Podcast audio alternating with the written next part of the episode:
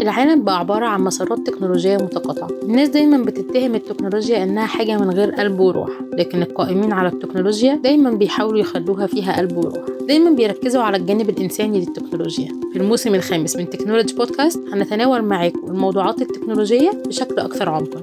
أنا نيرة عيد. وأنا مهاب شريف. صباح التكنولوجيا من جديد. الموسم الخامس من تكنولوجي بودكاست يأتيكم برعاية فودافون وإي فاينانس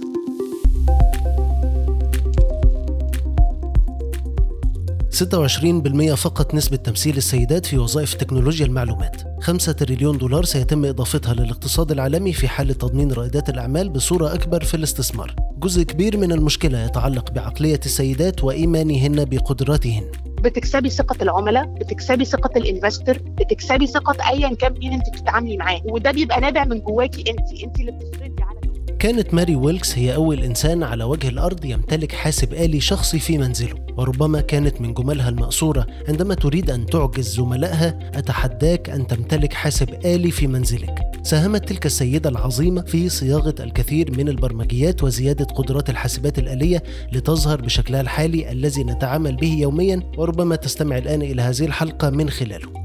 يمثل مجال العلوم والتكنولوجيا واحد من أفضل المجالات التي تكشف عن قدرات السيدات حيث ينعش الكثير من قدراتهن الخاصة وقواتهن الخارقة لا سيما فيما يتعلق بالقدرة على الابتكار والإبداع وإيجاد الحلول غير التقليدية. تكنولوجيا المعلومات والتقنيات الحديثة كوظائف ومسارات عمل إن كانت تحتاج قدرات خارقة لحل المشكلات واستخدام الحقائق وربطها لخلق مسار واضح يبرز نتائج فإن ذلك بيركز على صميم قدرات المرء في إيجاد حل لكل ما يبدو مستحيلا. في مارس شهر المرأة نستضيف نيفين مجدي مؤسسة شركة أوريجن للبرمجيات للوقوف على قدرات المرأة في هذا المجال الشائك. أنا احتكيت شوية بالأسواق اللي بره أكلمك على التجربة بتاعت أمريكا لأن هي أكبر دولة تكنولوجية متطورة. السيدات عموما بيبقوا شايفين إن الجزء بتاع ال tech ده حاجة صعبة معقدة challenging ودي حاجة جاية من السيدات على فكرة نفسهم. هي محتاجة فكر طول الوقت أنت على طول بتفكري. الشغلانة نفسها بغض النظر عن المحيط بيها صعبة. الحاجة الثانية اللي بتخوفهم إن هي بيسموها male dominating industry زي الطب كده. أغلب اللي بيشتغلوا فيها رجالة. طبعا ده مضر مش مفيد لأن في ستات كتير أذكياء وعندهم potential والكلام ده كله النسبة عموما بتزيد بس أنا بشوف إن ده محتاج دعم من الحكومات ومحتاج توعية. الناس تبدا تعرف لا إنه الشغلانة دي الست تقدر تعملها إن إحنا محتاجين ستات أكتر يشتغلوها إنه مش كلها صعبة ومميته زي ما أنتم متخيلين. تشير الدراسات إلى أن النساء يستحوذن على ما يقرب من 26.2 من 10% من وظائف تكنولوجيا المعلومات والبرمجيات على المستوى العالمي في حين يمثل الرجال النسبة الأكبر كثيرا في واحد من المجالات التي قد يعتقد الكثيرون أنها أنسب للسيدات. ويحصلن في الوقت نفسه على رواتب أقل من أقرانهن من الرجال. ترتفع نسبة العاملات بمجالات العلوم والتكنولوجيا في مصر لتسجل حوالي 38% وفق المؤشرات الصادرة عن عدد من المؤسسات الرسمية.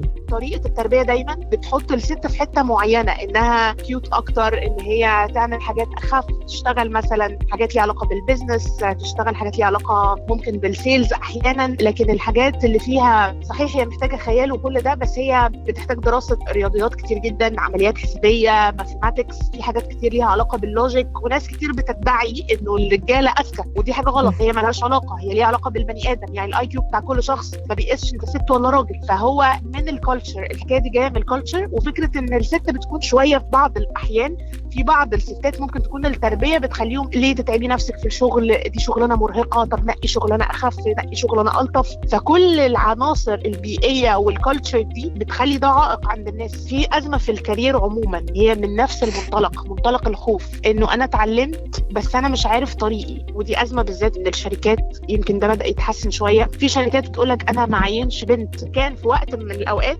البنت ممكن تكون ما عندهاش فرصة. يعني هي ممكن تترفض وهو عايز ولد يضغط عليه أكتر. يقول لك البنت هتبقى كل شوية تقول لي أنا عايزة أروح بدري. أصل أنا ما ينفعش أنزل في ال weekend على الرغم من إقبال السيدات على التكنولوجيا ربما لا تتمكن الكثير منهن من الوصول للمناصب الإدارية في شركات البرمجيات وتكنولوجيا المعلومات حيث تشير الدراسات نفسها إلى أن نسبة تواجد المرأة في مجالات الوظائف العليا والإدارية في تكنولوجيا المعلومات حوالي 11% على أقصى تقدير.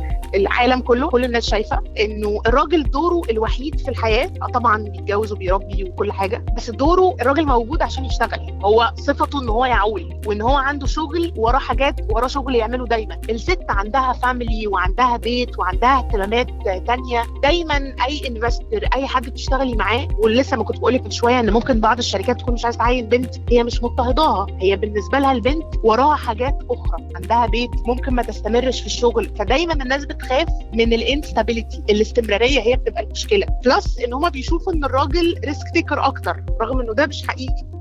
الأمر يزداد تعقيدا عندما نصل إلى تأسيس الشركات وقيادة فرق العمل حيث تظهر الكثير من الأرقام أن مساهمة السيدات في الشركات الناشئة لا تتعدى 2% في منطقة الشرق الأوسط بينما يفضل 70% من المستثمرين العروض المقدمة من رواد الأعمال من الذكور. الموضوع نفسه ما هواش سهل وبرده كل المحيط بيكي جواه هم رجالة. يعني إيه؟ أنت مثلا عشان تشوفي إزاي هتنشئي الشركة إزاي تجيبي منين محاسب تجيبي منين محامي. بصي أنا بقول لك كام ميل في الجملة. واحدة ست تخترق السوق تدور على محامين عشان تأسس وتدور على مش عارف إيه عشان تعمل وتفهم الإجراءات القانونية عاملة إزاي والضرايب و و و و. في 100 حد أنا قابلته ممكن يكون عايز يعمل الخطوة دي وخايف لأنه في تفاصيل كتير هو مش عارف إزاي يكون ملم بيها. عمري ما فكرت إن أنا هكون بعمل كده في يوم من الأيام. لما بتشوفي موديل قدامك ده بيساعدك. وأنا في الجامعة وأنا بفتح شركة الدكاتره بتوعي كان دايما معايا منتورز بتساعدني إن أنا أتحرك إزاي وأخطأت واصبت يعني دي نمرة واحد. فمع الوقت لازم البني آدم يتقبل إن هو يغلط بتغلطي وبتصيبي بتبدأي تكسبي ثقة.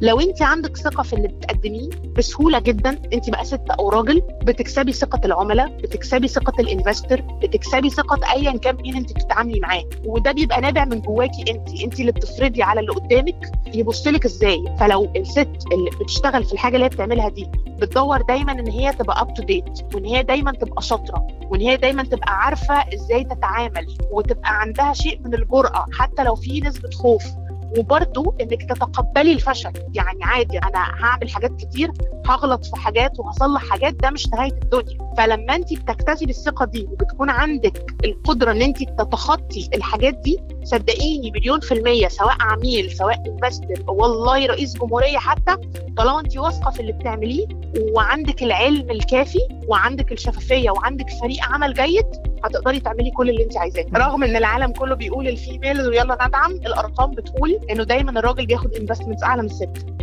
نيفين حققت إنجازات تؤكد إن السيدات لديهن فرصة لإثبات أنفسهن في مجال العلوم والتكنولوجيا على المستوى العالمي.